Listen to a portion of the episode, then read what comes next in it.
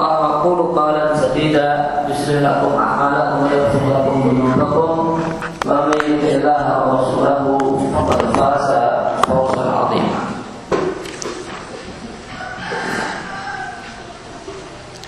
Kalimat ini dicatatkan kaki dikatakan inilah satu bacaan yang disebut dengan khutbatul hajat. Khutbah di sini artinya mukaddimah.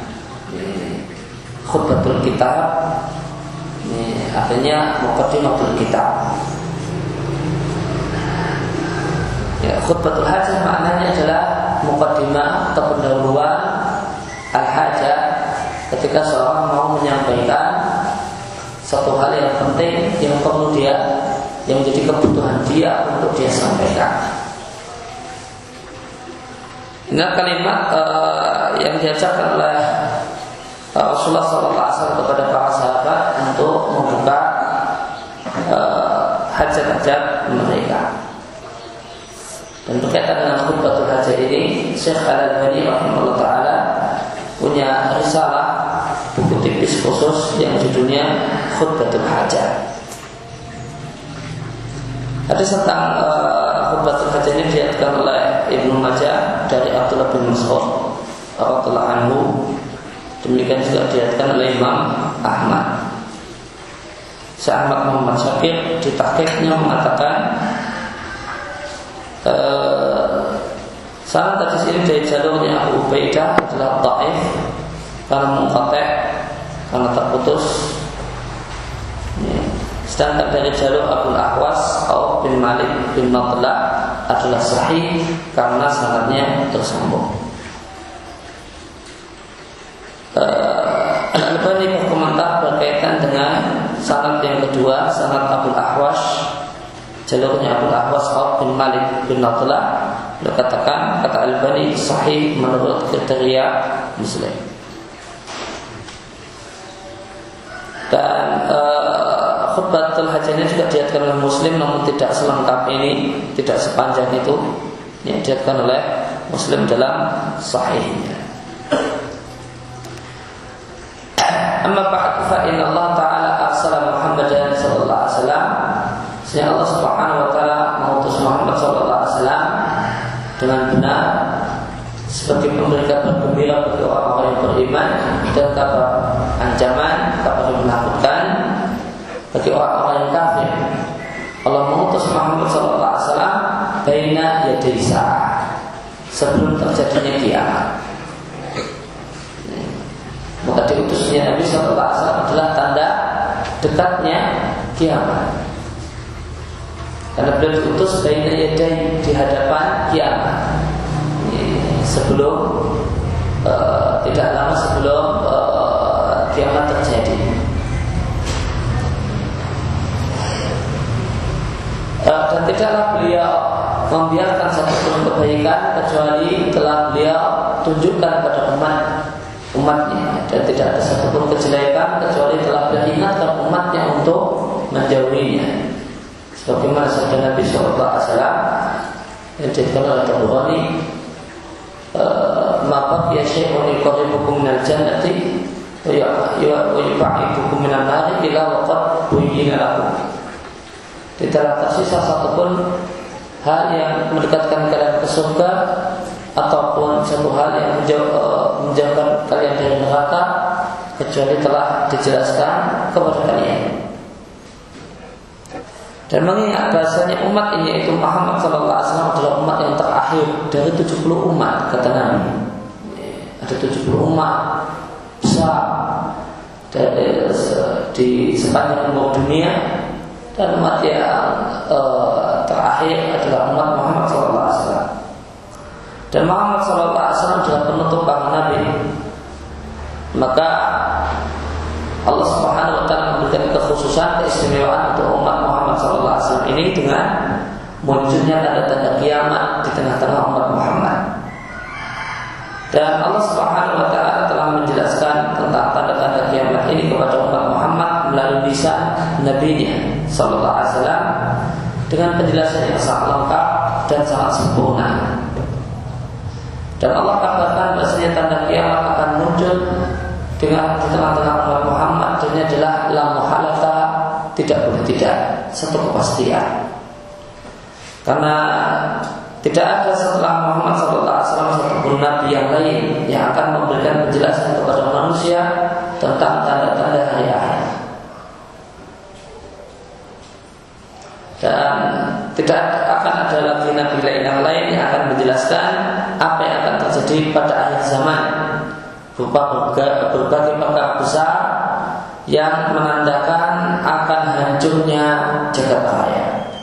Dan akan e, berawalnya kehidupan yang baru. Di mana dalam kehidupan yang baru tersebut setiap orang akan mendapatkan balasan. Bihasabi maqaddamat yadahu sebagaimana amal yang telah dia lakukan apa yang dilakukan oleh kedua tangannya yaitu apa yang dia lakukan di dunia.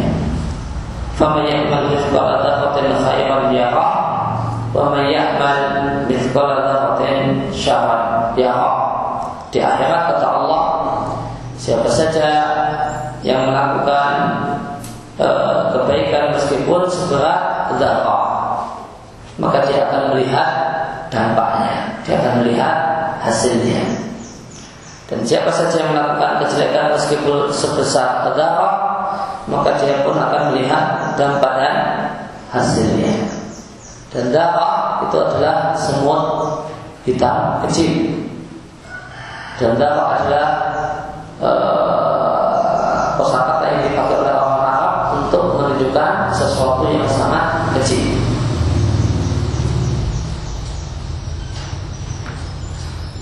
Itu makna asal atau berjadi darah itu adalah satu titik debu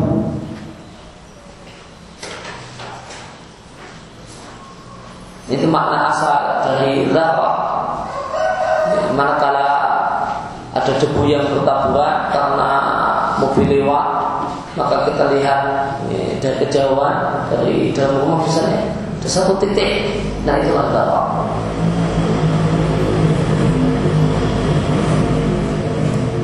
Ya meskipun uh, setelah itu muncul zarah dalam artian atom, namun tidak boleh menafsirkan uh, dalam surat zalzalah dengan makna atom karena ini berarti menafsirkan ayat dengan sesuatu yang tidak dikenal oleh ayat tersebut saat turunnya.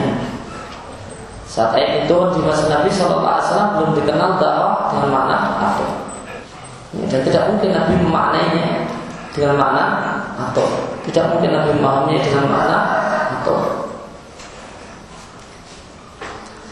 Kemudian menimbang bahasa di antara akidah dan keyakinan yang wajib diimani adalah mengimani hari akhir dan apa yang ada dan terjadi pada hari akhir yaitu ganjaran dan hukuman.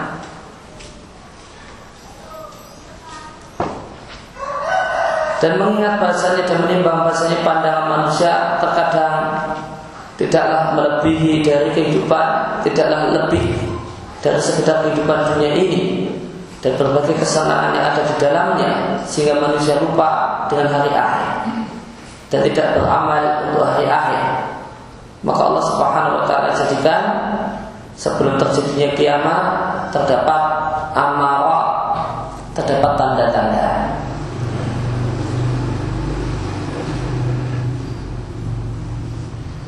Tanda-tanda yang menunjukkan tahakkum realnya terjadinya kiamat dan bahasanya kiamat akan terjadi hatmat sebagai satu keharusan.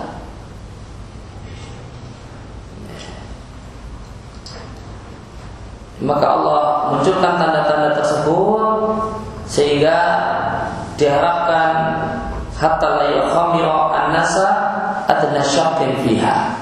Sehingga manusia tidaklah tertutupi sedikit pun keraguan tentang adanya hari akhir. Dan tidak ada satupun yang e, menyesatkan manusia dari iman dengan hari akhir. Maka ini manfaat dan maksud Allah Subhanahu wa taala memunculkan tanda-tanda hari kiamat. Maksudnya adalah supaya manusia itu yakin betul dan jangan lupa dan tidak lupa akan adanya hari akhir. Di sini dikatakan amarat, ya amarat artinya tanda. Ya, kalau hamzahnya digeser ke bawah, imarah, maka artinya kekuasaan. Maka amarah itu artinya tanda alamah. Kalau imarah artinya kekuasaan dan pemerintahan. Sebagaimana dalam bahasa hadis dari Jibril, eh, Wama amaratuha apa tanda-tandanya. Dan satu hal yang telah diketahui bersama bahasanya seorang manusia Asadik yang benar apa yang dia katakan Al-Masduq yang mendapatkan berita yang benar Itulah berita wahyu Sallallahu alaihi wasallam Jika beliau menyebutkan Sebagian tanda-tanda kiamat. Kemudian manusia melihat Terjadinya tanda yang Nabi ceritakan Maka mereka tahu secara yakin Bahasanya kiamat pasti terjadi. Tidak ada keraguan di dalamnya. Lalu mereka pun beramal Sebagai persiapan untuk menjumpai hari kiamat. Dan mereka pun bersiap-siap Untuk menjumpai hari kiamat Akhirnya mereka pun mencari bekal dengan melakukan berbagai amal saleh kebelah fawatil awan sebelum berlalunya kesempatan, berlalunya waktu dan berakhirnya ajal yang ajal kita semua ini terbatas.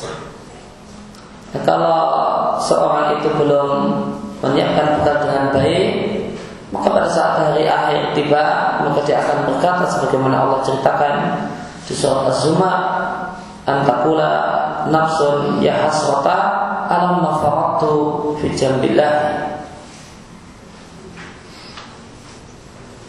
Jangan sampai ada orang yang mengatakan, ada satu jiwa yang mengatakan, duh uh, menyesalnya diriku alam mafaratu karena kecerobohan yang aku lakukan fi jambillah, fi haqqillah untuk menunaikan hak Allah Subhanahu wa taala. Wa in kuntu lam dan sungguh di dunia dulu di dunia aku termasuk orang yang suka mengolok-olok. Au taqula law anna Allah hadani lakuntu minal muttaqin. Atau jangan sampai satu, ada satu jiwa yang mengatakan seandainya Allah memberikan hidayah kepada aku, lakuntu minal muttaqin. Sungguh aku akan termasuk orang-orang yang bertakwa. Au taqula hina ta'adaba law anna li karatan fa aqula minal muhsinin. Jangan sampai ada satu jiwa yang mengatakan ketika dia melihat azab lau anna li karatan seandainya aku bisa kembali ke dunia. Ya, aqula minal muhsinin maka aku akan uh, menjadi orang-orang yang ya, gemar dengan kebaikan dan beramal kebajikan. Inilah kalimat-kalimat penyesalan yang diucapkan oleh sebagian manusia pada hari akhir nanti. Ya seharusnya mumpung kita belum kehilangan kesempatan, jangan sampai uh, kita dengan termasuk di antara orang-orang yang mengucapkan kalimat-kalimat di atas. Dan Nabi Shallallahu Alaihi Wasallam pernah mengatakan dalam uh, salah satu khutbah beliau. Berkatakan buistu ana wasa'ah kahataini uh, aku diutus aku dan kiamat aku diutus dalam keadaan aku dengan kiamat seperti dua hal ini. Dan beliau berbicara dengan jari telunjuk dan jari tengah beliau. Artinya diutusnya Muhammad SAW adalah salah satu tanda kiamat. Diutusnya Muhammad SAW adalah salah satu tanda kiamat. Apa yang dimaksud dengan aku diutus dengan kiamat seperti jari telunjuk dan jari tengah? Hmm. Di antara penjelasan ulama tentang makna hadis ini yang dimaksud adalah ini selisih antara ujung jari telunjuk dan jari tengah. selisih antara ujung jari telunjuk dan jari tengah. Maka ini diutusnya Muhammad Wasallam ini kiamat dekat. Ini betapa dekatnya. Di sini diutusnya Muhammad Wasallam. Di sini terjadinya kiamat.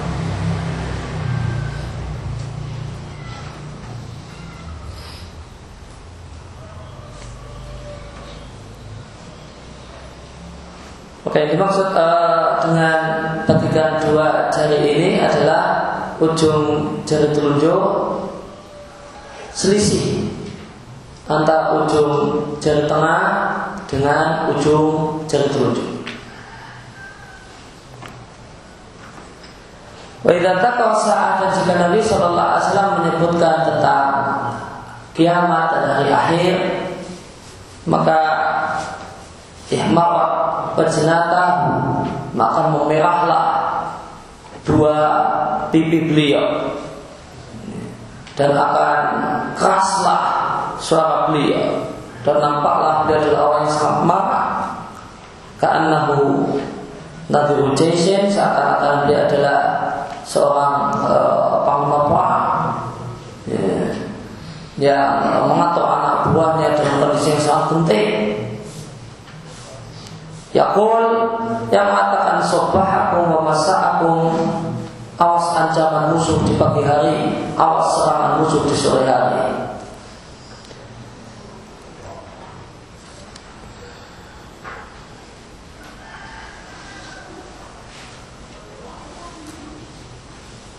Ya, demikian dalam Sahih Muslim di bab khutbah Nabi Sallallahu Alaihi Wasallam pada hari Jumat.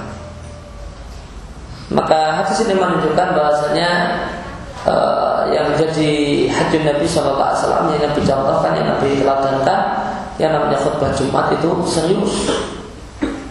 Enggak malah kemudian khutbah Jumat dagel.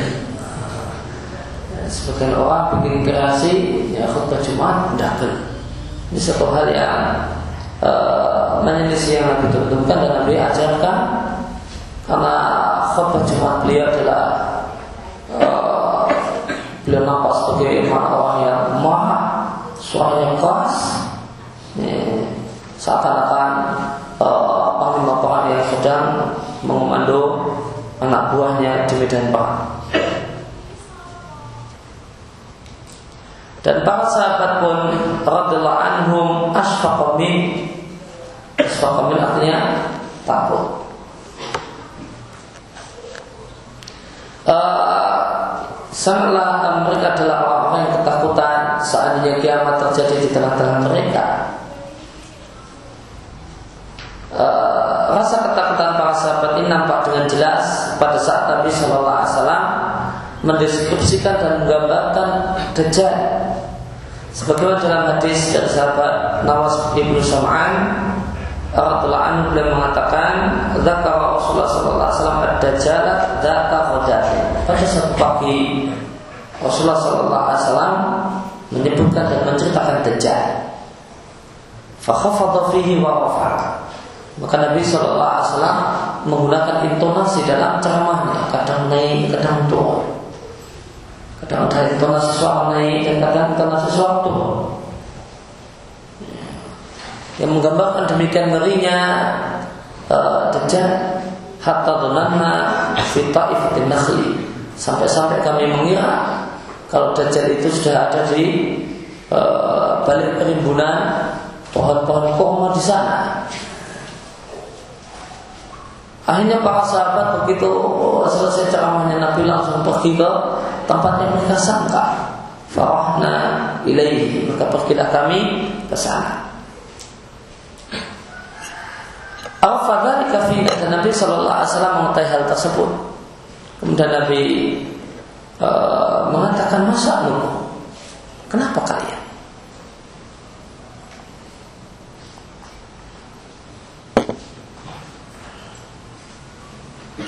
Kami katakan kepada Rasulullah Dekat terjala khodatan Pagi ini Engkau menyebut-nyebut dan menceritakan terjala dan intonasi suaramu sangat uh, membuat ketakutan. Di mana engkau menaikkan uh, merendahkan suara dan mengeraskan suara sampai-sampai kami beranggapan bahasa Dajjal itu muncul di balik uh, kumpulan beberapa pohon kurma yang ada di sebelah sana.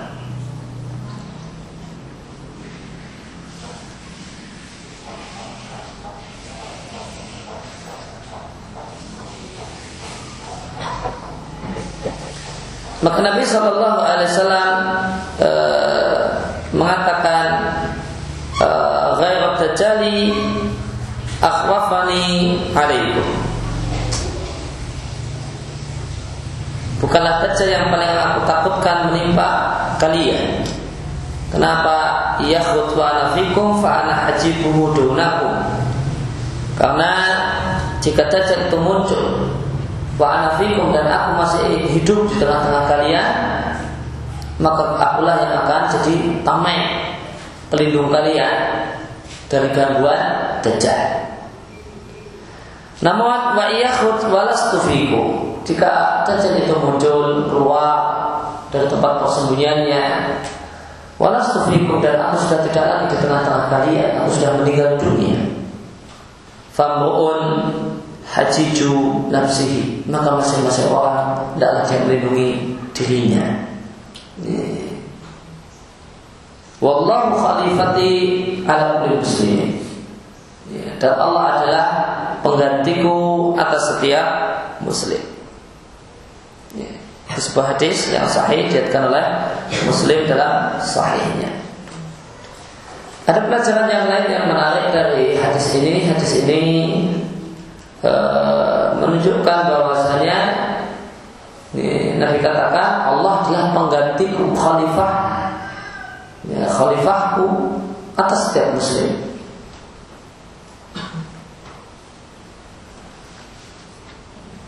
Maka Allah itu khalifah atas manusia. Ini, bukan malah manusia menjadi khalifatullah. Namun malah Allah itu pengganti peran manusia. Ya, kadang katakan uh, Allah adalah khalifahku atas manusia. Bukannya uh, manusia itu menjadi khalifatullah, namun malah Nabi balik. Sama sebagaimana dalam hadis Safa ya, Nabi ajarkan kepada kita untuk ketika bersafar eh, untuk eh, membaca doa yang cukup panjang. Salah satunya potongannya adalah antas sahibu fi safari wa khalifatu fi ahli. Uh, ya Allah sebenarnya adalah sahibu fi safari. Adalah kawan perjalananku. Kawanku dalam perjalananku ini wa khalifati fi ahli dan kau adalah penggantiku untuk keluargaku untuk melindungi menjaga keluargaku yang kutinggalkan di rumah.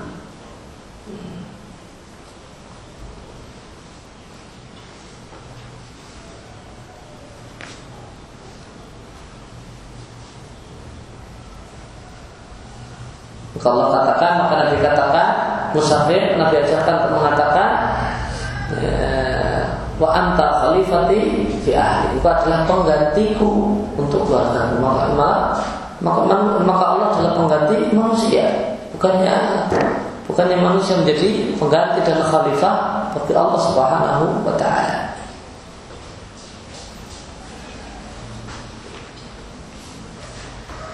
Dan telah muncul dan terwujudlah dan benar-benar terwujudlah apa yang diberitakan oleh manusia pilihan Sallallahu Alaihi Wasallam. Maka setiap hari bertambahlah iman orang-orang yang beriman.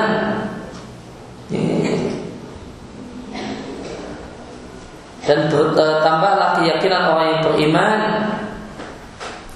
In hmm, karena muncul dalam buah bukti kenabian dan tanda-tanda benarnya pengakuan Nabi kita Muhammad SAW sebagai utusan Allah yang mengharuskan kaum muslimin untuk berpegang teguh dengan agama yang lurus ini. Maka mukjizat atau dalam yang sering kita kenal dari istilah mukjizat itu sering juga disebut dengan dalail dalail nubuah, bukti-bukti kenabian. Bahkan uh, ini malah jadi judul buku. Ya, banyak judul buku yang judul kita para ulama yang judulnya adalah nubuah. Semacam yang paling terkenal adalah karya Al Baihaqi. Beliau memiliki kitab judulnya adalah Nubuah. Ini 10 jilid atau 13 jilid. Menceritakan atau mengumpulkan riwayat-riwayat yang ya bahasa kita adalah kemampuan yang luar biasa yang nggak wajar dan di antaranya adalah berita-berita tentang masa depan.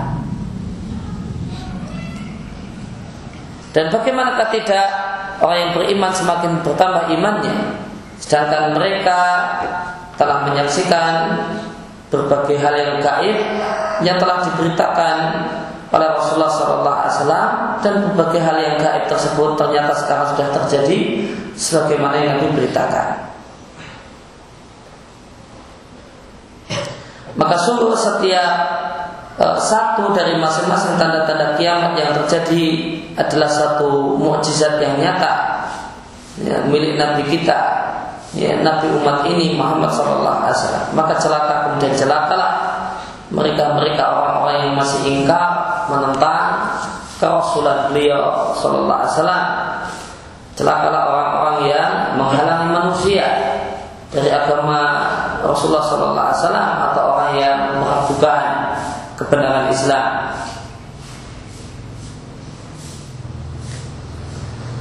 Uh, dan ahamiyatu hadal bahas.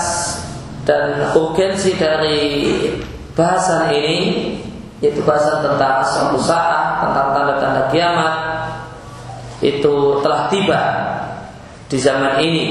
Di mana di zaman ini sebagai waktu kota sebagian penulis ya, kontemporer mulai meragukan uh, kemunculan berbagai kabar gaib yang diberitakan oleh Nabi Shallallahu Alaihi Wasallam yang wajib kita imani.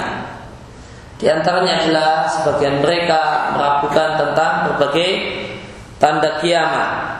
Sebagian ada yang mengingkari, sebagian penulis ada yang mengingkari sebagian tanda kiamat dan sebagian lagi mengotak atiknya dengan otak atik yang tidak nyambung.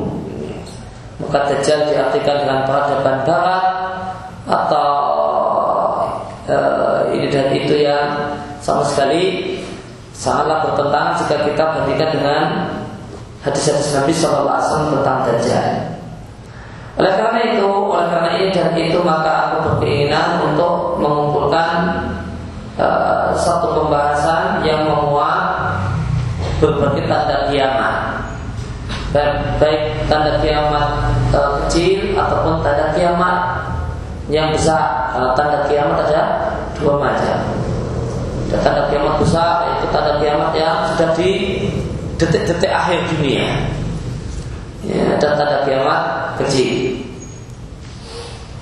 Ya, aku ingin mengumpulkan topik bahasan tentang masalah ini dengan berdasarkan dalil-dalil yang valid yang berasal dari Al-Quran Al-Karim dan Sunnah Nabi SAW yang suci dan uh, melakukan pengkajian dan pengumpulan data bukanlah satu hal yang mudah. Kenapa? Karena tadi ingin berdasarkan dalil-dalil yang valid. Maka ingin membutuhkan penelitian tentang keabsahan hadis-hadis yang ada seputar masalah tanda-tanda kiamat dan mengkompromikan berbagai riwayat yang nampaknya tidak sinkron dan uh, tidak selaras. Dan memang sebagian ulama telah menulis beberapa karya tentang masalah tanda-tanda kiamat. Namun apa beda buku ini dengan buku-buku yang telah ditulis oleh para penulis sebelumnya? dan di antara mereka adalah para ulama. Jawabannya bedanya adalah karena mereka buku-buku yang ada sebelum buku ini muncul mereka tidaklah komitmen untuk mencukupkan diri dengan hadis-hadis yang valid dengan hadis-hadis yang terpercaya uh, hasan atau sahih. Namun anda jumpai mereka membawakan banyak riwayat tanpa menyinggung tentang derajat dan kualitas hadis dari sisi sahih atau dhaifnya kecuali jarang-jarang.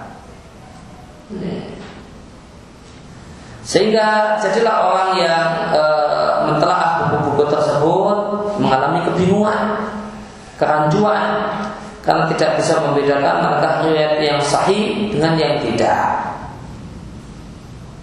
Demikianlah banyak buku-buku tersebut tidaklah menyinggung tentang salah atau penjelasan untuk hadis-hadis e, seputar asal saat padahal hadis tersebut membutuhkan penjelasan.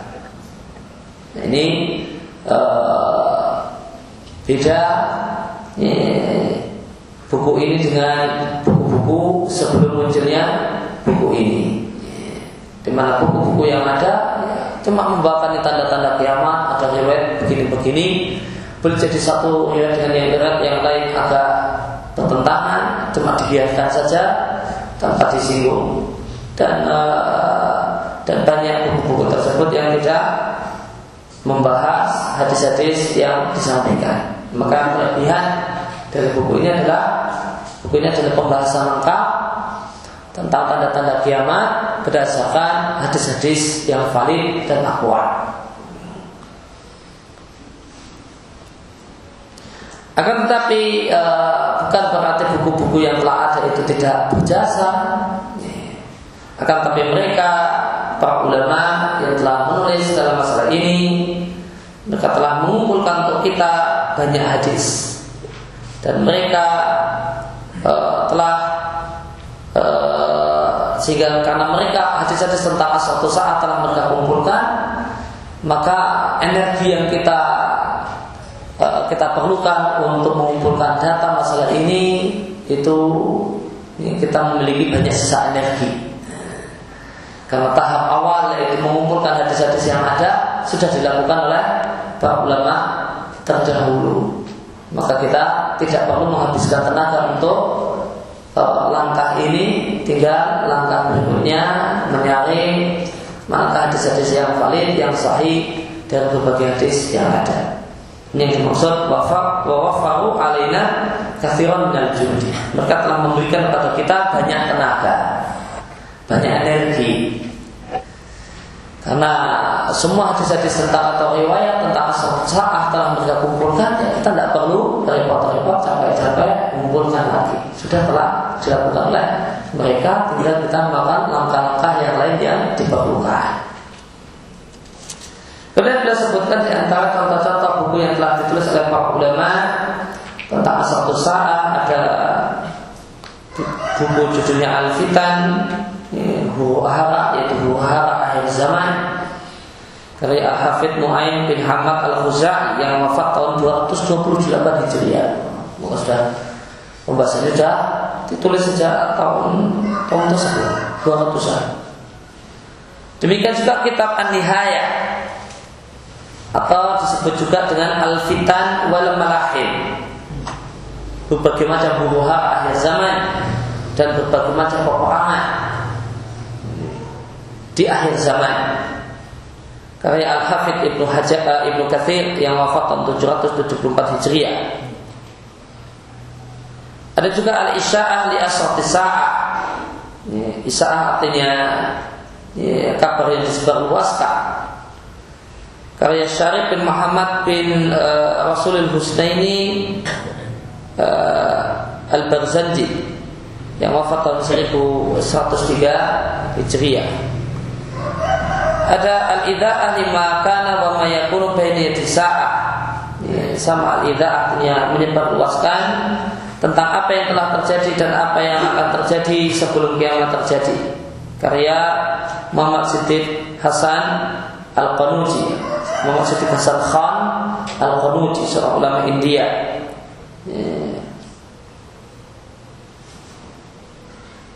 yang wafat tahun 1307 Hijriah.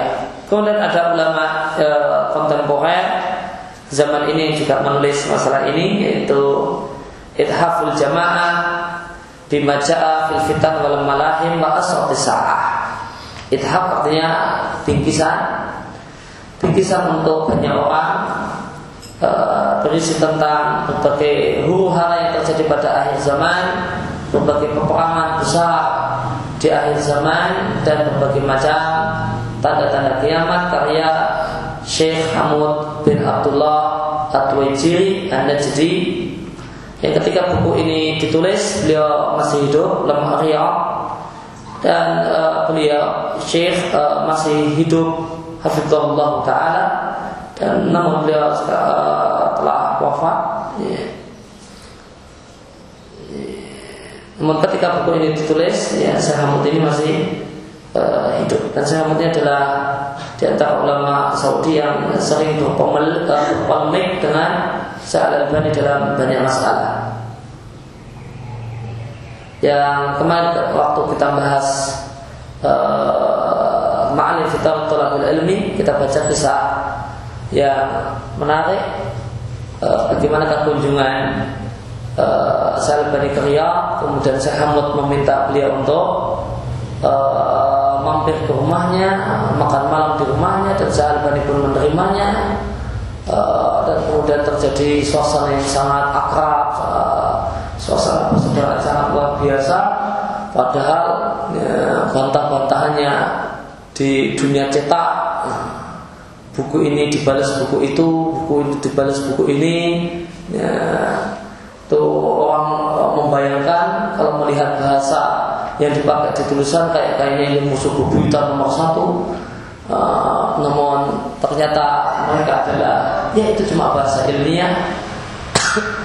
uh, uh, itu, adalah uh, perselisihan ilmiah bukan uh, satu hal yang tidak merusak persaudaraan. Itu sahmud bin Abdullah At-Tuwaijiri An-Najdi rahimahullah taala. Ila ghairi dzalika min al-mu'alafat dan buku-buku yang lain yang tanawalat yang mencakup tanawalat di sini mencakup atau yang membahas pembicaraan tentang suatu saat tanda-tanda kiamat.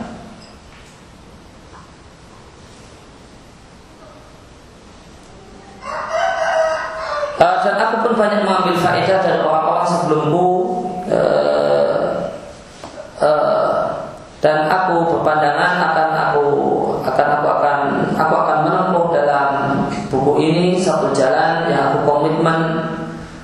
uh, diriku komitmen dengan yaitu aku tidak akan menyebutkan dalam hadis ini syaratan bukan syaratan ya syaratan syaratan artinya tanda zamannya asal kalau syaratan ini artinya lazim, sesuatu yang harus. Jamaknya suruh.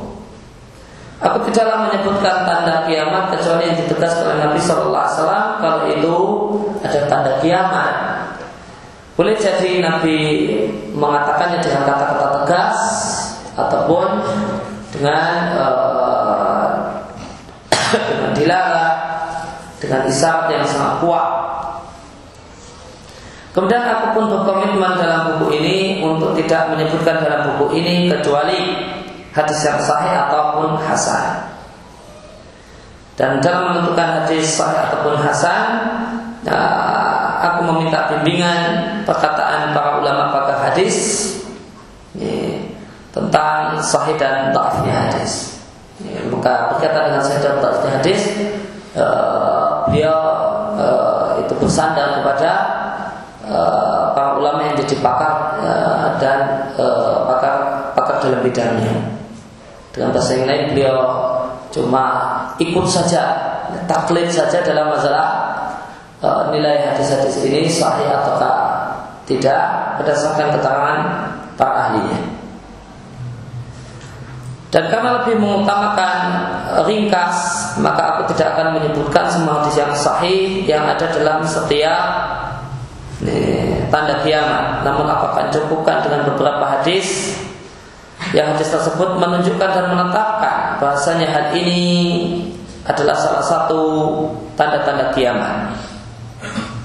Demikian juga aku sebutkan hal-hal yang diperlukan uh, dalam setiap pembahasan tanda-tanda kiamat. Maka di sana ada penjelasan tentang makna kosakata yang asing atau penjelasan tentang tempat-tempat yang disebutkan namanya dalam hadis. Demikian juga aku akan iringi setiap tanda kiamat dengan penjelasan ringkas yang diambilkan dari perkataan para ulama.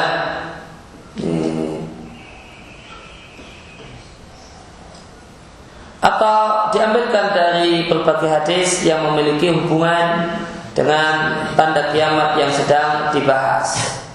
Demikian juga aku menyinggung sambil lalu bukan uh, menyinggung untuk membuat bantahan atas sebagian orang yang mengingkari sebagian tanda-tanda kiamat. Ya, belum gak fokus sekali untuk masalah membantah, itu cuma sambil lalu, ya, uh, cuma ta'arud saja, cuma disinggung saja, ada benda, ya, jadi materi pokok. Atau mengotak-atik tanda kiamat ya, dengan makna begini dan begitu, yang makna-makna tersebut tidaklah didukung hadis-hadis yang ada. Dan aku jelaskan bahasanya eh, tanda-tanda kiamat ada di antara perkara yang gaib yang wajib untuk diimani sebagaimana apa adanya dan tidak boleh dibantah. Tidak boleh pula menjadikan dan menetapkan tanda-tanda kiamat sekedar simbol. Artinya tidak nyata, rumusan cuma simbol kebaikan atau simbol uh, kejelekan. Maka ini satu tindakan yang tidak benar. Ini adalah di antara takwil uh, yang batin berkaitan dengan masalah ini. Yang dimaksud dengan munculnya jadal ya, simbol keburukan peradaban barat misalnya. Ini adalah takwil fasid. Ini adalah otak atik yang menyimpang atau pemaknaan yang tidak benar tidak boleh pula uh, tanda-tanda kiamat itu dijadikan sebagai uh, durul khurafat uh, sebagai landasan untuk munculnya berbagai mitos yang tidak benar. Imam Mahdi misalnya dijadikan sebagai uh, landasan sebagian orang untuk mengaku itu Imam Mahdi, itu Imam Mahdi, padahal Imam Mahdi gadungan. Dan dikarenakan banyak tanda-tanda kiamat itu terdapat dalam hadis ahad, maka aku membuat di awal bahasan satu pasal khusus menjelaskan bahasanya hadis ahad itu bisa jadi hujah. Wadali kata demikian adalah dalam rangka membantah orang yang mengingkari kehujahan hadis ahad dan beranggapan bahasanya uh, hadis ahad tidak bisa menjadi landasan akidah. Ini satu hal yang menyelisih akidah dan keyakinan ahli sunnah.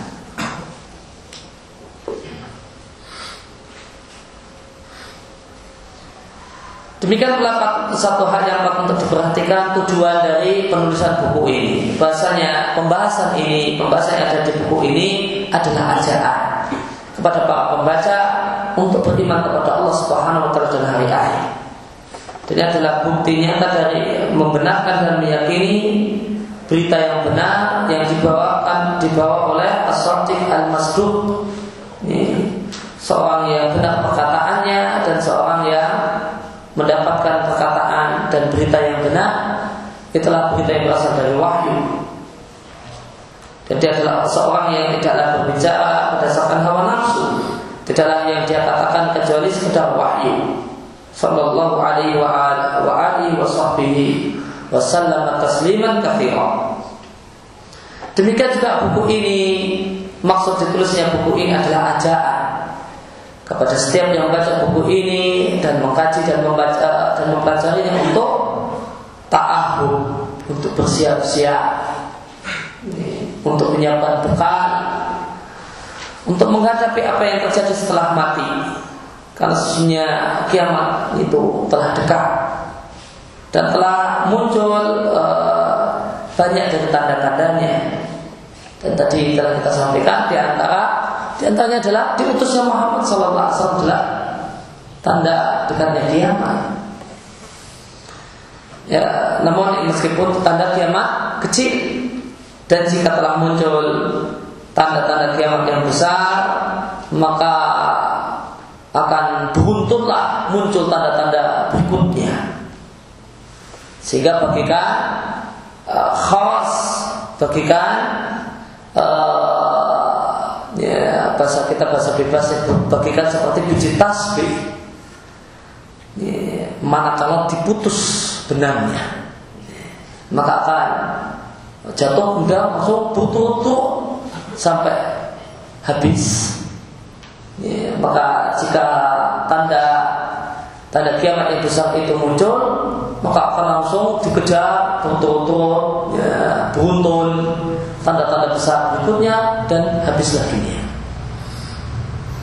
Sebagaimana beruntunnya kharat, sebagaimana beruntunnya biji-biji tasbih finidham yang terikat dalam satu benang.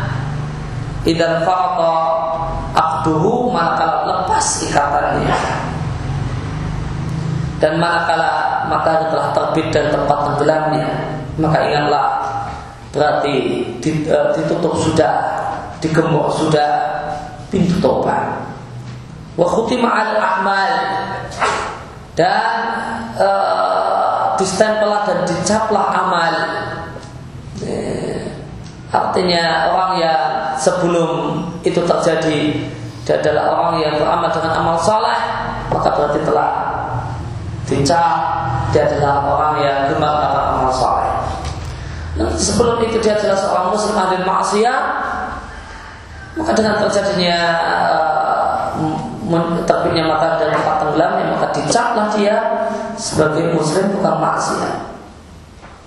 Maka usaha dia perbaikan dia melakukan amal soleh setelah uh, matahari menjadi tempat tenggelamnya satu hal yang tidak bernilai dan tidak manfaat dan tetap statusnya muslim tukang maksiat.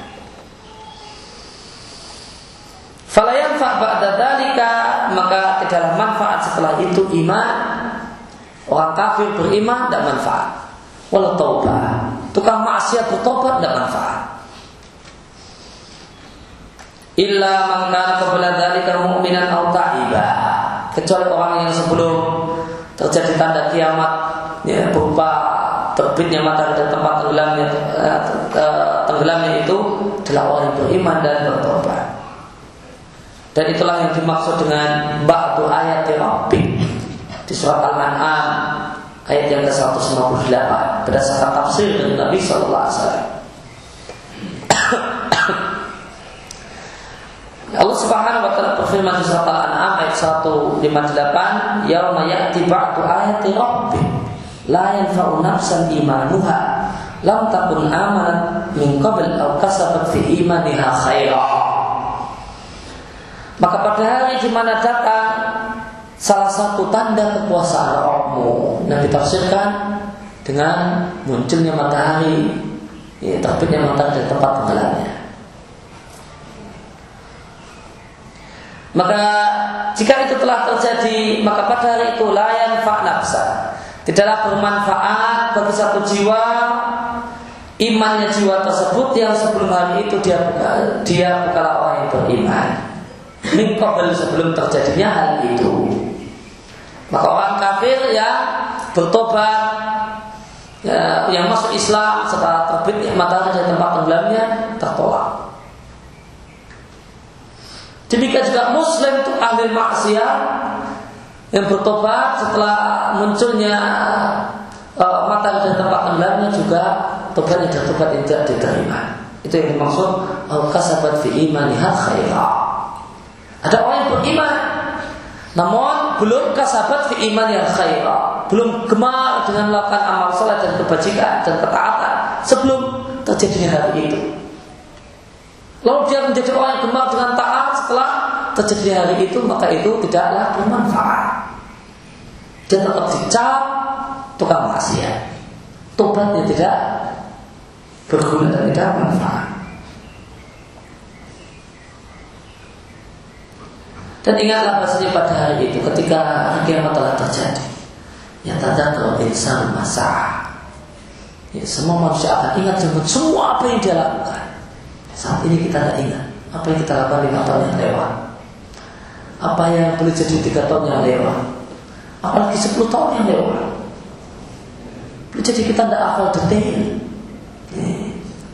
Apa yang kita lakukan di hari-hari itu.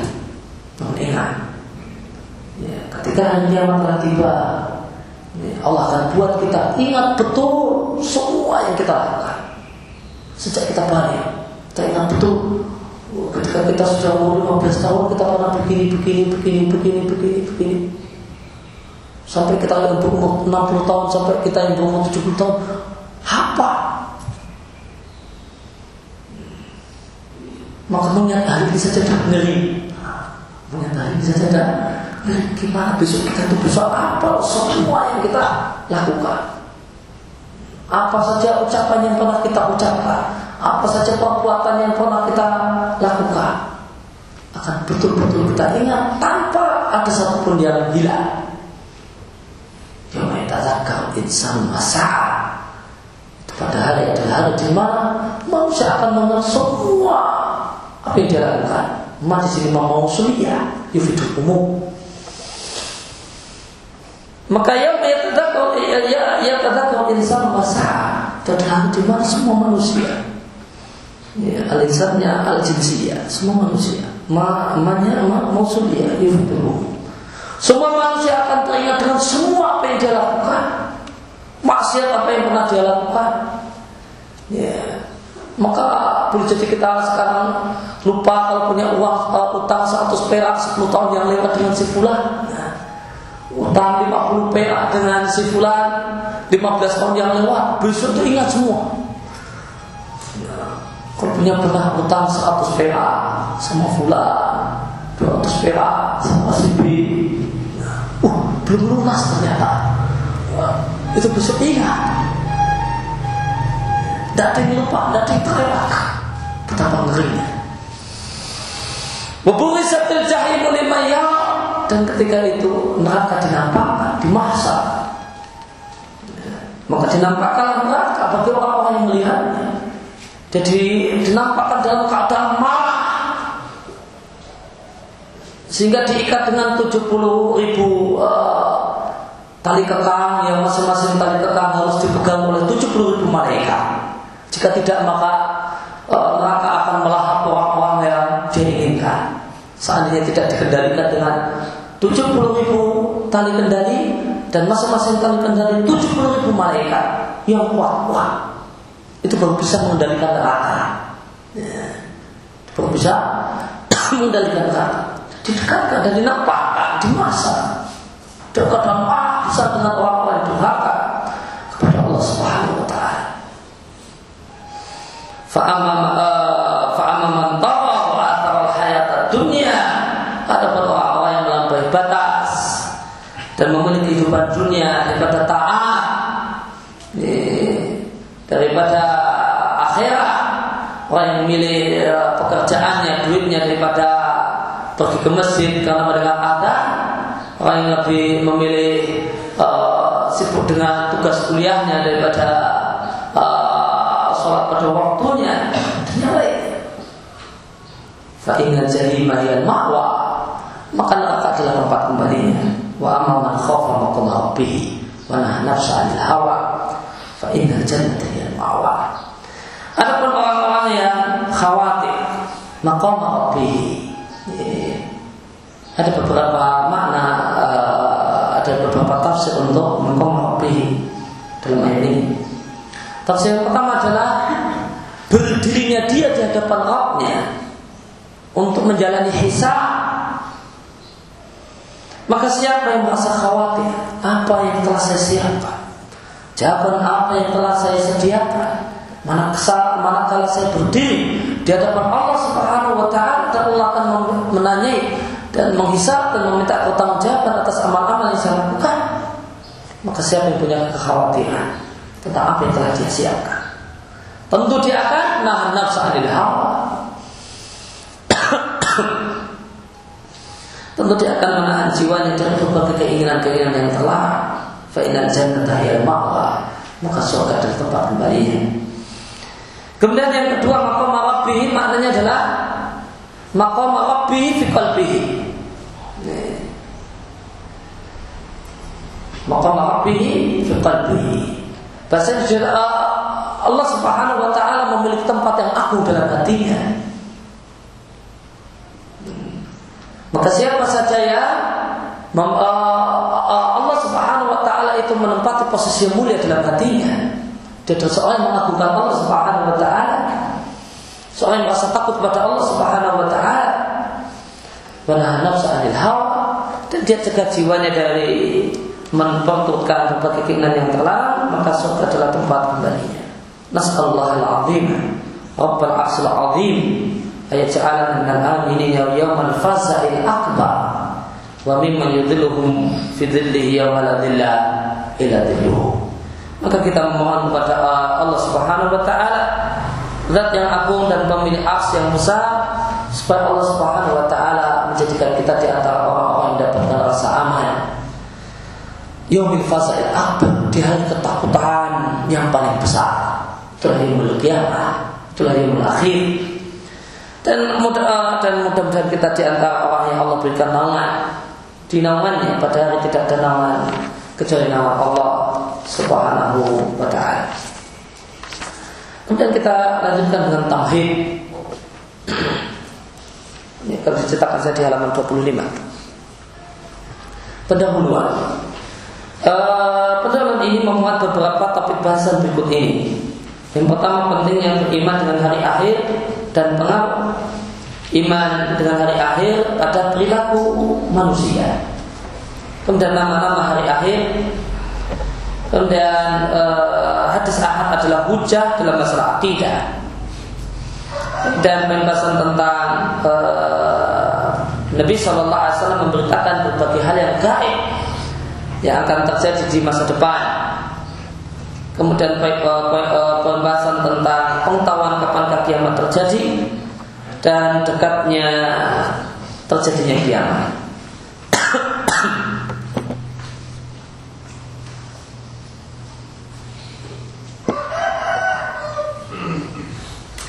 Tapi kesan yang pertama adalah pentingnya iman dengan hari akhir dan pengaruhnya dalam perilaku manusia.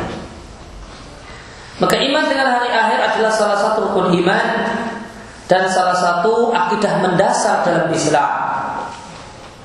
Maka qadiyah permasalahan uh, bangkitnya manusia untuk menjumpai kampung akhirat adalah satu permasalahan yang menjadi landasan dari bangunan akidah setelah permasalahan keesaan Allah Subhanahu wa taala.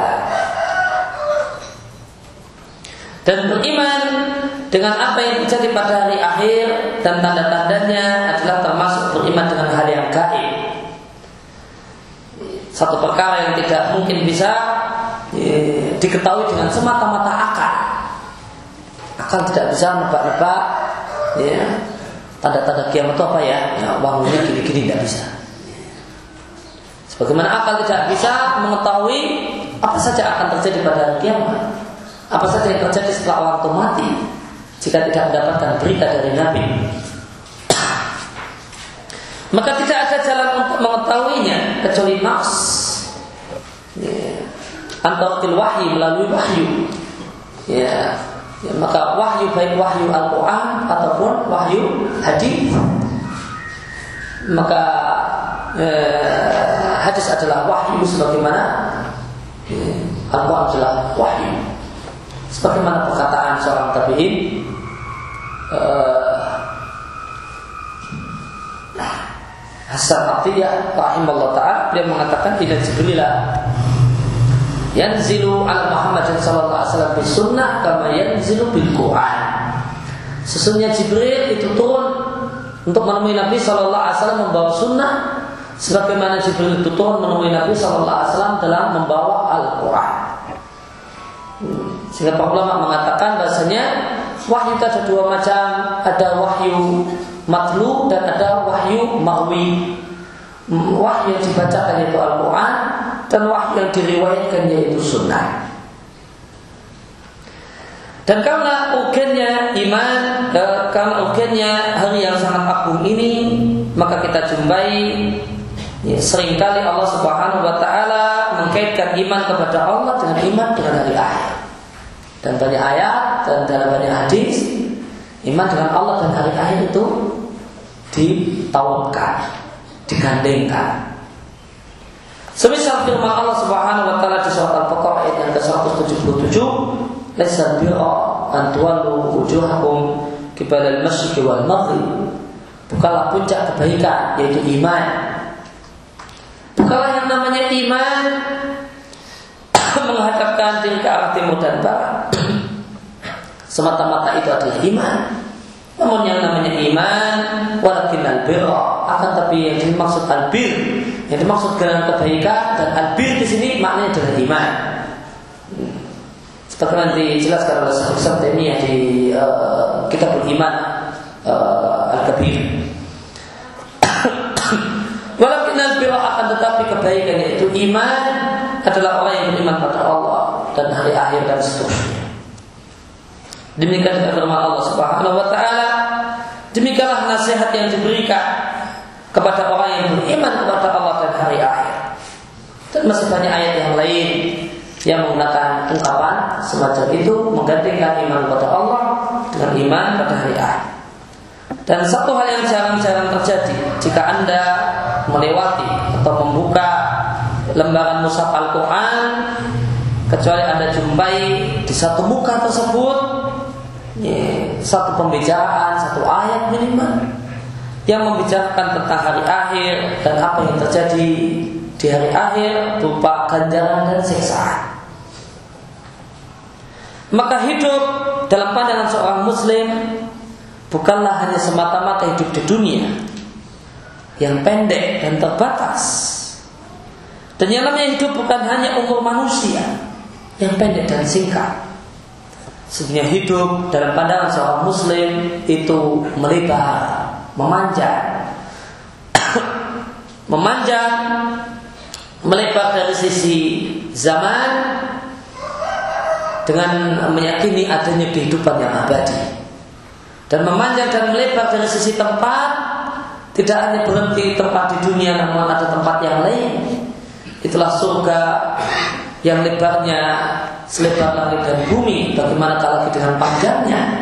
Melebarnya saja sudah uh, serta langit dan bumi.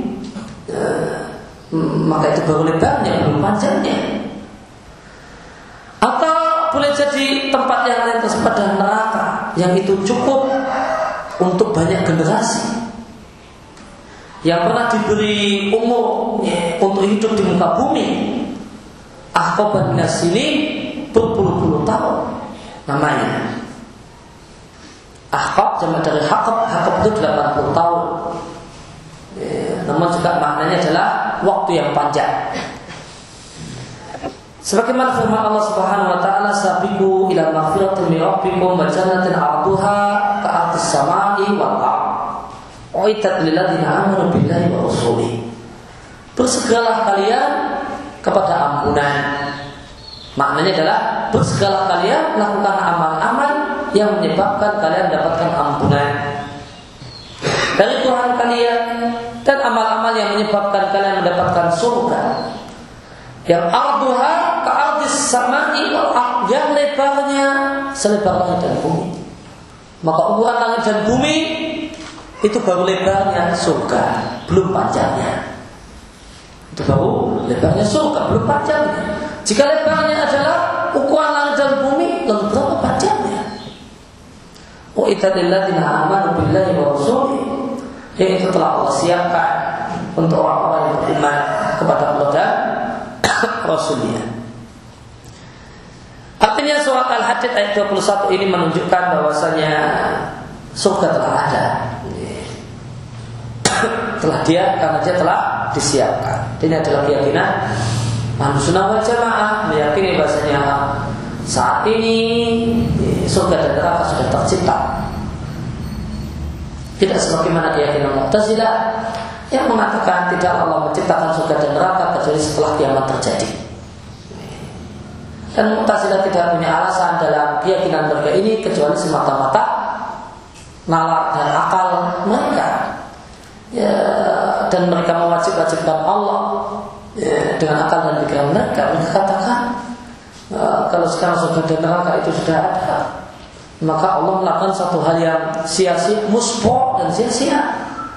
Ya, nganggur masalah uh, dan dibuat api-api bagus-bagus cuma dianggurkan ini perbuatan yang sia-sia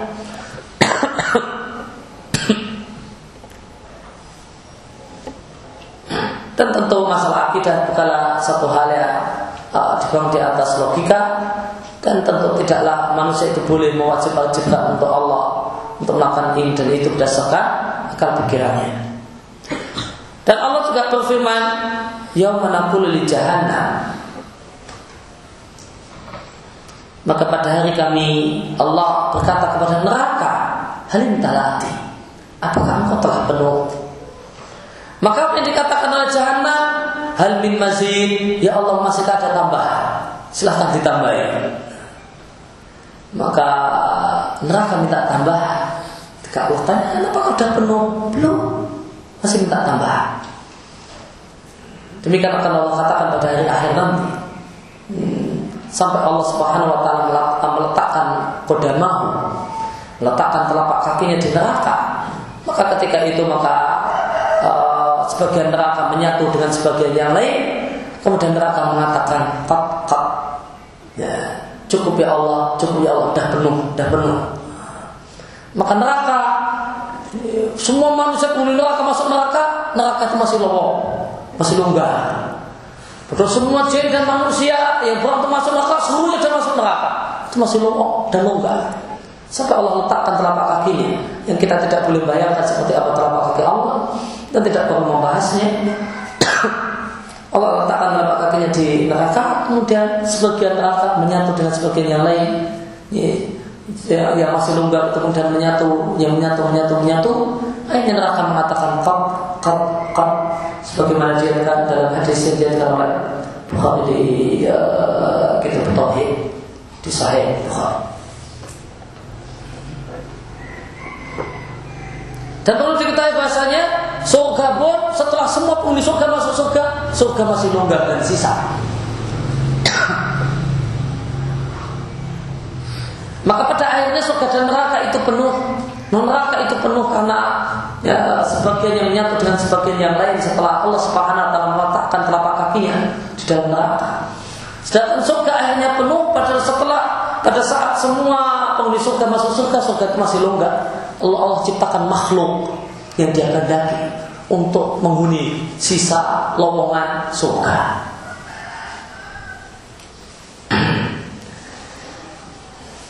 Uh, maka iman kepada Allah dan hari akhir dan apa yang terjadi pada hari akhir yaitu pahala dan hukuman itulah peng, pengarah yang hakiki pembimbing yang hakiki yang membimbing perilaku manusia agar meniti jalan kebaikan maka tidak ada satupun undang-undang buatan manusia yang mampu untuk menjadikan perilaku manusia itu sawiyan mustaqimah lurus dan lurus, tidak neko-neko.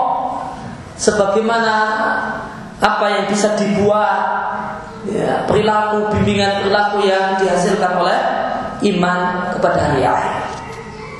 Oleh karena itu, maka terdapat perbedaan yang sangat besar dan terdapat celah yang sangat lebar antara perilaku orang yang beriman dengan Allah dan hari akhir dan meyakini bahasanya dunia adalah sekedar ladang untuk kampung akhirat. Maka dunia adalah tetap tempat untuk bercocok tanam dan bukan tempat untuk memetik hasil. Ya, memetik hasilnya di akhirat nanti. Adapun bertanamnya maka saat ini. Maka ya, yang harus kita lakukan ketika di dunia adalah banyak-banyak beramal. Adapun memetik hasilnya nanti di hari akhir nanti. Uh, maka ini adalah kalimat yang benar dunia masuk akhirah Namun jika dinisbatkan kepada Nabi ada adalah hadis yang daif yang disebutkan oleh Al Ghazali di Iya Ulumuddin dan dia bukanlah hadis yang sahih e, meskipun maknanya benar.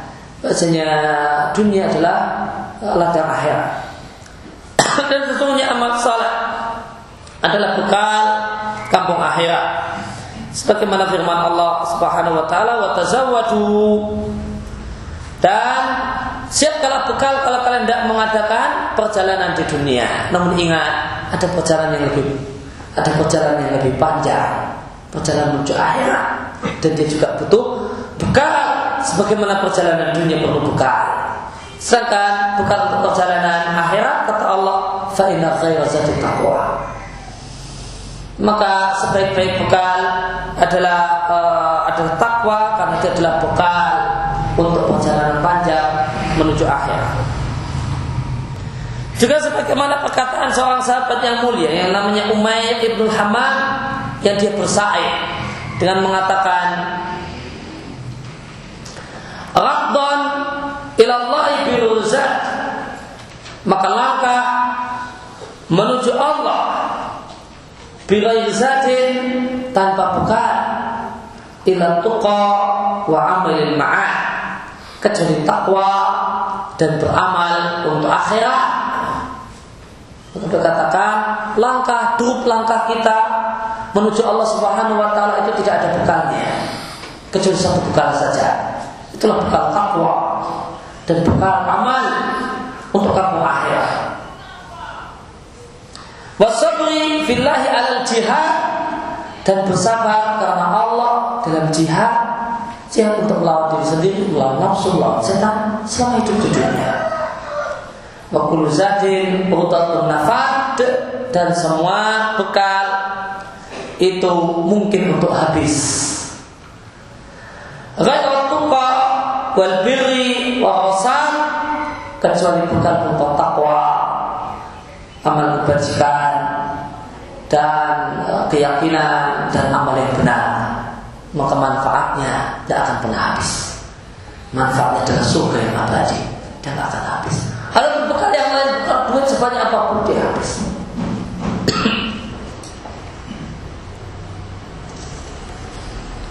Ya, siapa itu uh, Umair ibn Hamam? Umair ibn Hamam bin Jamuh bin Zaid al Ansari radhiyallahu anhu. Dia gugur sebagai syahid pada saat perang Badar. Beliau orang yang terkenal dalam sejarah para sahabat dengan orang yang melempar beberapa butir kurma. Pada saat Nabi Shallallahu Alaihi Wasallam menyemangati para sahabat untuk maju di medan perang Badar dengan mengatakan kumu ila jannatin arduhas samawati wal ard. Berdirilah kalian bangkitlah kalian. Seranglah musuh. Maka kalian menuju surga yang lebarnya selebar ya, tujuh langit dan seluruh bumi. Maka mendengar hadis tersebut perkataan Nabi ini maka sahabat Umair Ibn Hamad mengatakan bah, bah, ungkapan kekaguman. Selebarnya selebar dan bumi gimana bacanya? Ya. Maka Rasulullah Sallallahu Alaihi Wasallam mengatakan mayah minuka ala kauli bah bah. Apa yang menyebabkan engkau mengatakan ungkapan kekaguman semacam itu? Maka beliau mengatakan, La wallahi ya Rasulullah ila wajatan an aku min ahliya.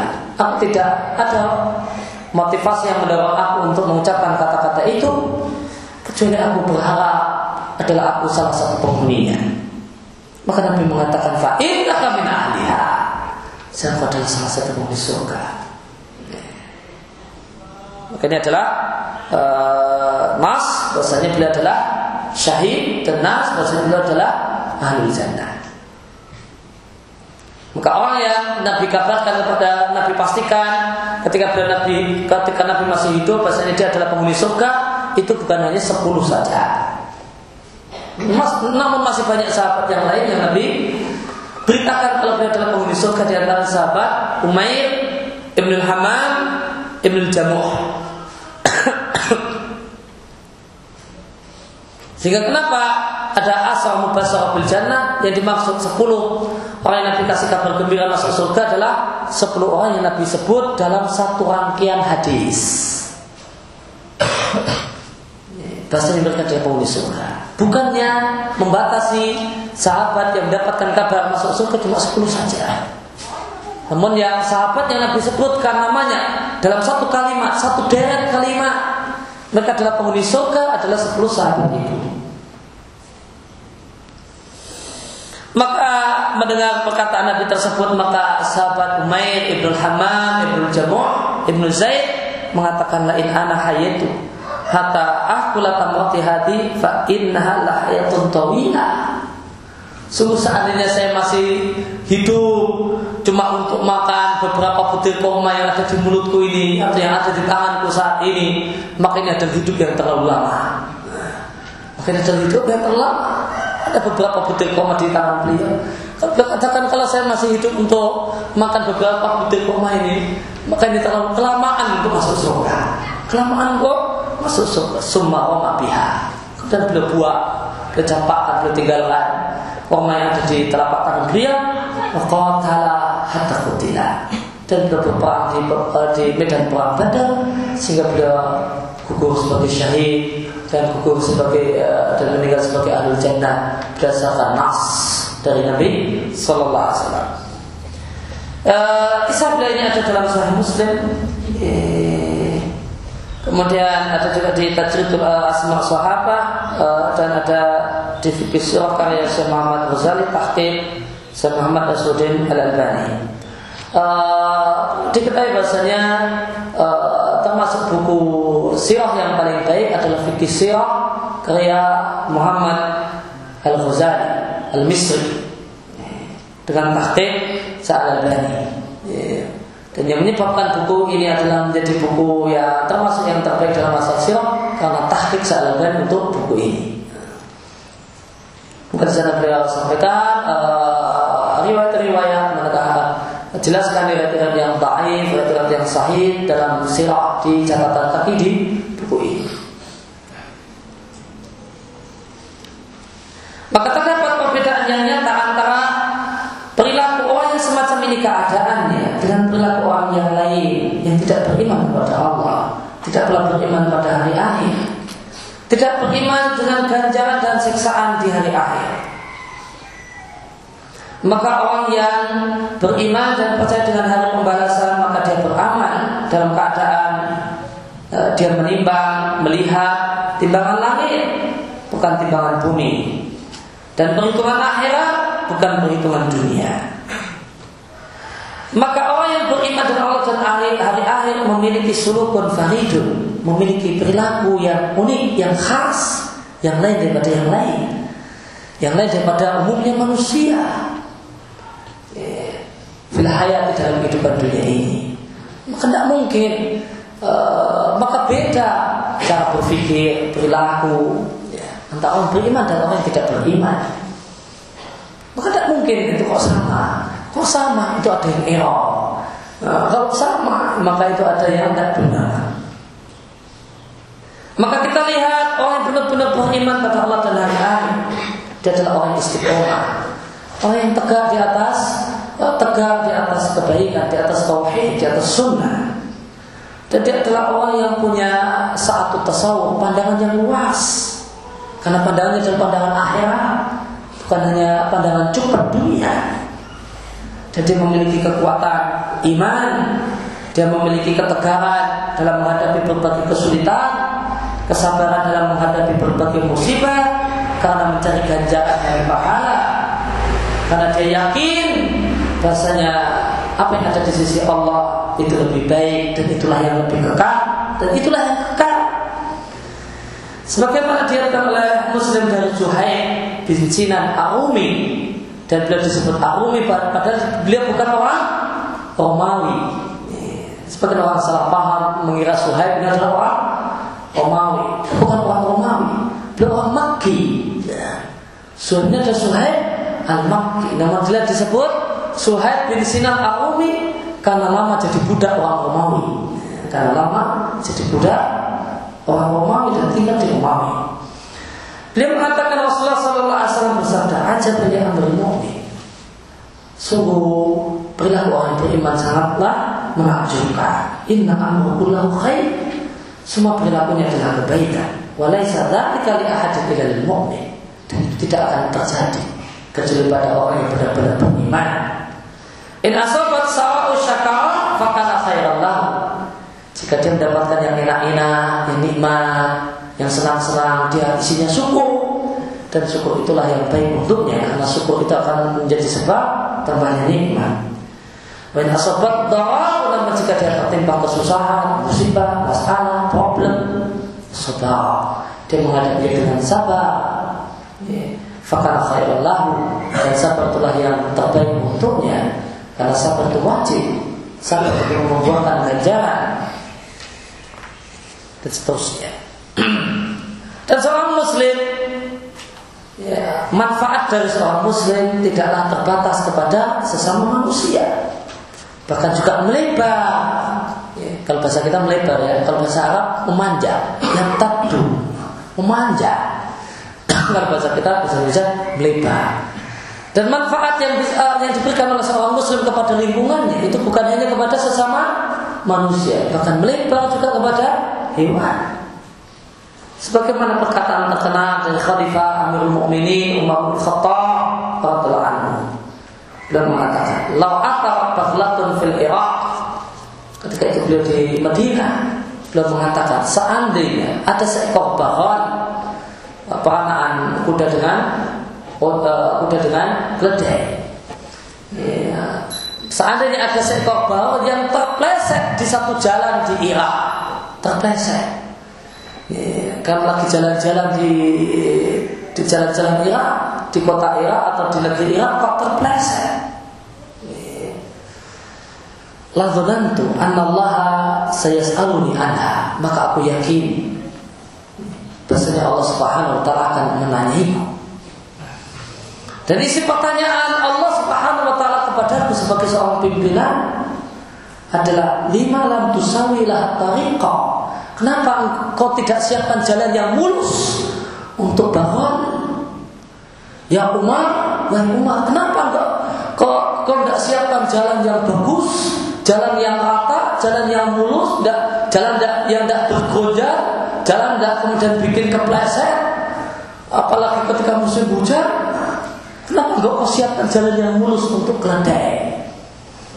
Wahai Umar, maka tidak menyiapkan jalan yang mulus untuk keledai saja kata Umar akan menyebabkan seorang pimpinan, seorang presiden, seorang gubernur akan dimintai pertanggungjawaban. Pada itu jalan keledai, apalagi jalan manusia. Apalagi jalan manusia, bagaimana dengan jalan manusia? Manusia mudah uh, karena jalannya jelek, berlubang dan yang lainnya, kepleset, tabrakan, guling, uh, keledai atau bahkan bawal guling, pleset karena jalan tidak mulus. Umar mengatakan, aku yakin Allah akan meminta pertanggungjawaban kepada Urusan seekor keledai itu di ujung Irak sana. Kenapa wahai Umar? Enggak kau siapkan jalan mulus, aspal yang halus. Biar keledai itu bisa jalan tanpa terpleset.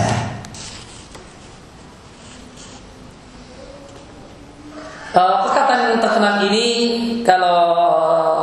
yang bersanad ada uh, oleh Abu Nuaim al Asbahani di Hilyatul Auliya atau Tabaqatul Asfiya. Namun dengan redaksi lau matat syatun ala satil fu'ad da'iatan la dhanantu anna Allah sa'ili qiyamah.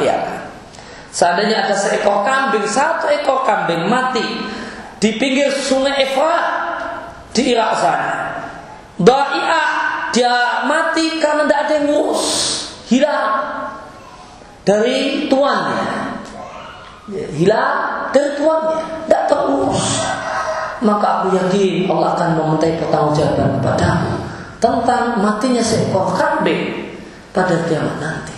Jika itu matinya seekor kambing, jika bagaimana dengan matinya se eh, seorang bayi, bagaimana dengan matinya seorang nenek, bagaimana dengan matinya seorang kakek, bagaimana dengan matinya uh, ratusan kaum muslimin karena dibantai orang Nasrani, orang kafir dan yang lainnya. Padahal uh, ini seekor kambing Dan itu pun ya salah kambing tersebut. Karena dia tidak ikut rombongannya, tidak ikut kawannya, terpisah. Akhirnya dia tuannya nggak sadar, pemiliknya nggak tahu. Akhirnya uh, lepas dari kontrol, kemudian kekurangan mati. Maka umat merasa yakin kalau Allah akan meminta pertanggungjawaban kepadanya. Inilah perasaan yang muncul dari dapat iman kepada Allah dan hari akhir. Inilah dan ihsas merasa beratnya tanggung jawab terberat dan besarnya amanah yang dipikul oleh manusia satu amanah yang ditakuti oleh langit, bumi dan berbagai gunung. Inilah ucapan yang diucapkan orang yang yakin bahwa semua perkara yang besar ataupun yang kecil akan dipertanggungjawabkan dan akan dihisap dan akan ada pembalasan amal. Jika baik maka balasannya adalah nikmat. Jika buruk maka balasannya adalah adab. Demikian yang kita baca dan kita kaji kesempatan pagi hari ini. Sallallahu alaihi wa alihi wasallam wa akhdawana alhamdulillahi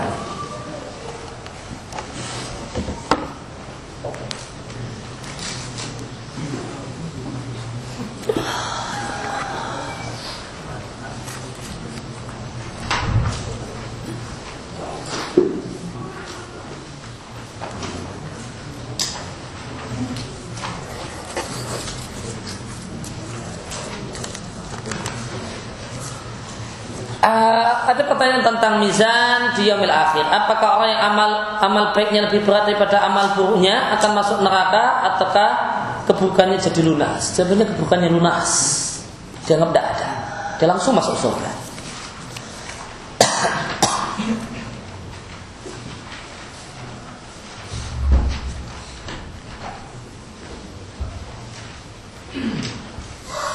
Wa anibu ila rabbikum aslimulah apa beda mana anibu dan aslimu? Anibu inaba sama dengan taubat kembali. Dan sebagian ulama menjelaskan beda antara taubat dengan inaba. Biasanya uh, orang yang memiliki inaba maka setelah dia bertobat dari kesalahan dan kekeliruannya maka akan sangat nampak perubahan drastis pada dirinya. Sholatnya, ya kecintaannya pada kebajikan dan akan nampak kontas. Dengan keadaan sebelum tobat sebelum tobat itu namanya inaba tapi kalau nggak kontas-kontas amat ya masih kayak kayak uh, kemarin ya beda-beda dikit maka itu tobat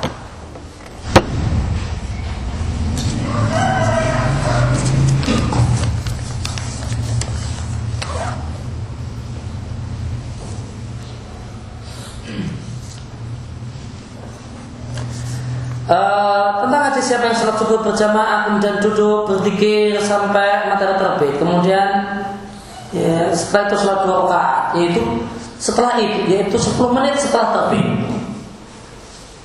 Yaitu 10 menit setelah terbit. Sholat dua rakaat maka dia mendapatkan pahala dan umrah yang sempurna dan sempurna.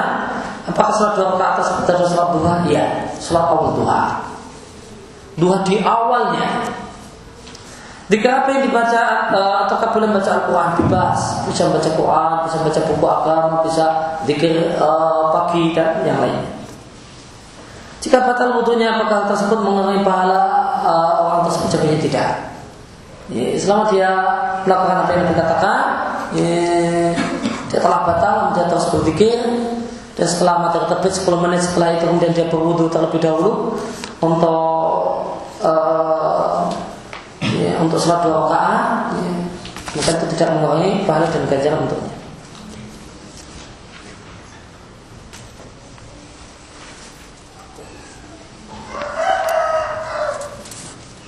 Apakah berkorban dengan seekor sapi boleh dilakukan oleh orang dari tujuh orang? Boleh. Bahkan Nabi satu orang korban satu ekor onta. Satu orang korban satu ekor onta. Ya, masa cuma satu ekor sapi malah diributkan. Eh, satu ekor sapi satu orang tidak masalah. Ya. Sebagaimana Nabi uh, menyembelih haji beliau seorang menyembelih seratus ekor unta. Apalagi itu kurang dari seekor sapi. lima orang tentu lebih tidak besar. Apakah jika dilakukan oleh satu orang dia mendapatkan keutamaan pahala tujuh kali lipat demikian juga anggota keluarganya? Nah kalau dia uh, ada se seorang itu berkorban dengan seekor sapi, maka ya, itulah yang lebih afdol daripada berkorban seekor kambing. Adapun uh, menetapkan pahalanya tujuh kali lipat atau uh, tidak tidak bisa kita tetapkan. Namun yang jelas bahkan ulama berselisih pendapat. Ya, mana karena lebih afdal satu orang itu korban seekor kambing atau satu orang korban seekor sapi. Kalau Imam Malik mengatakan bahwasanya uh, kambing itu lebih baik ya, daripada sapi. Satu ekor kambing itu lebih baik daripada satu ekor sapi. Dengan alasan karena itulah korbannya Nabi ke kambing. Ya. Maka menurut Imam Malik orang yang berkorban seekor kambing ganjarannya lebih besar daripada satu orang berkorban seekor sapi. Namun yang benar adalah pendapat jumhur fuqaha yang mengatakan bahwasanya e, berkorban seekor sapi lebih afdal daripada berkorban dengan seekor kambing.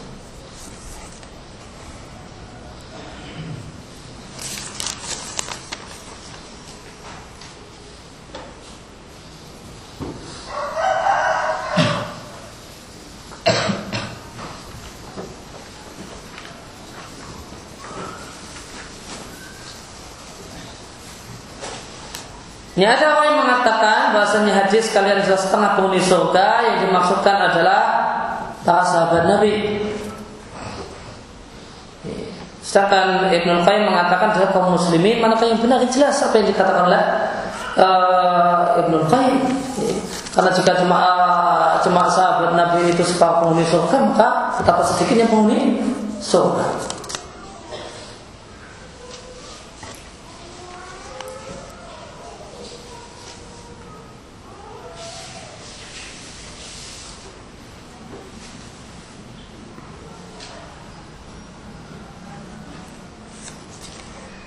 Bukankah sekecil apa pun dosa akan dipertanggungjawabkan jika belum bertobat? Uh, uh, kemudian apa sudah dibalas di alam kubur? Itu berkaitan dengan masalah uh, yang katanya jika dosa amal dan amal baiknya lebih berat, maka dianggap lunas. Maka sebagaimana uh, keyakinan al-sunnah, bahwasanya jika seorang itu belum bertobat dari satu dosa, ya, maka dia tahta masyiatillah ya, dia dibawa kepada Allah Subhanahu wa taala. Tidak tidak mesti dipertanggungjawabkan dalam artian masuk neraka untuk disiksa karenanya. Hmm, tidak mesti. E, jika yang dimaksudkan dengan dipertanggungjawabkan adalah disiksa maka kalimat ini salah Bukankah sekecil apa pun dosa akan dipertanggungjawabkan jika belum bertobat? Jika dimaksud dengan dipertanggungjawabkan adalah siksaan, maka ini satu hal yang keliru. Karena keyakinan al-sunnah adalah uh, dosa yang belum uh, seorang itu belum bertobat darinya maka tata tahta masyiatillah terserah kepada Allah Subhanahu wa taala. Jadi Allah ampuni dan boleh jadi tidak. Nah setelah uh, seorang itu misalnya dia tidak mendapatkan ampunan Allah Subhanahu wa taala maka untuk terhapus dosanya masih ada kesempatan lagi yaitu di muazanah maka penghapusan dosa. Penghapusan dosa. Di mahsyar sebelum orang masuk surga dan neraka itu ada dua kali. Pertama adalah tahta masyiatillah. Dengan kehendak Allah Subhanahu wa taala. Jika seorang itu tidak mendapatkan ampunan Allah di kesempatan ini maka dia bisa mendapatkan ampunan indal muazanah pada saat penimbangan amal baiknya itu lebih berat daripada amal. Uh, amal buruknya maka hapuslah amal buruknya. Sehingga dia langsung masuk surga. Karenanya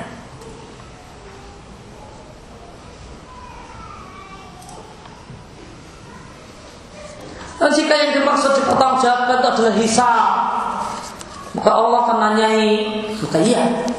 Maka meskipun seorang Allah ampuni, maka sebagian orang maka Allah akan tanya bukan kamu telah berbuat dosa demikian dan demikian dan seterusnya sehingga seorang mukmin itu menyangka pasti dirinya akan binasa maka setelah itu boleh Allah katakan aku ampuni itu semua Untuk 10 menit setelah matahari terbit tadi sholat dua di awal, lalu yang dimaksud dengan sholat subuh, ya sholat subuh itu sholat duha di awal duha. Sholat duha di awal duha. Jika orang sholat tiga rakaat imam pada imam yang sholat empat rakaat, bagaimana caranya? Apakah setelah rakaat ketiga si imam ini duduk menunggu imam sampai salam dia? Dia duduk menunggu imam sampai salam.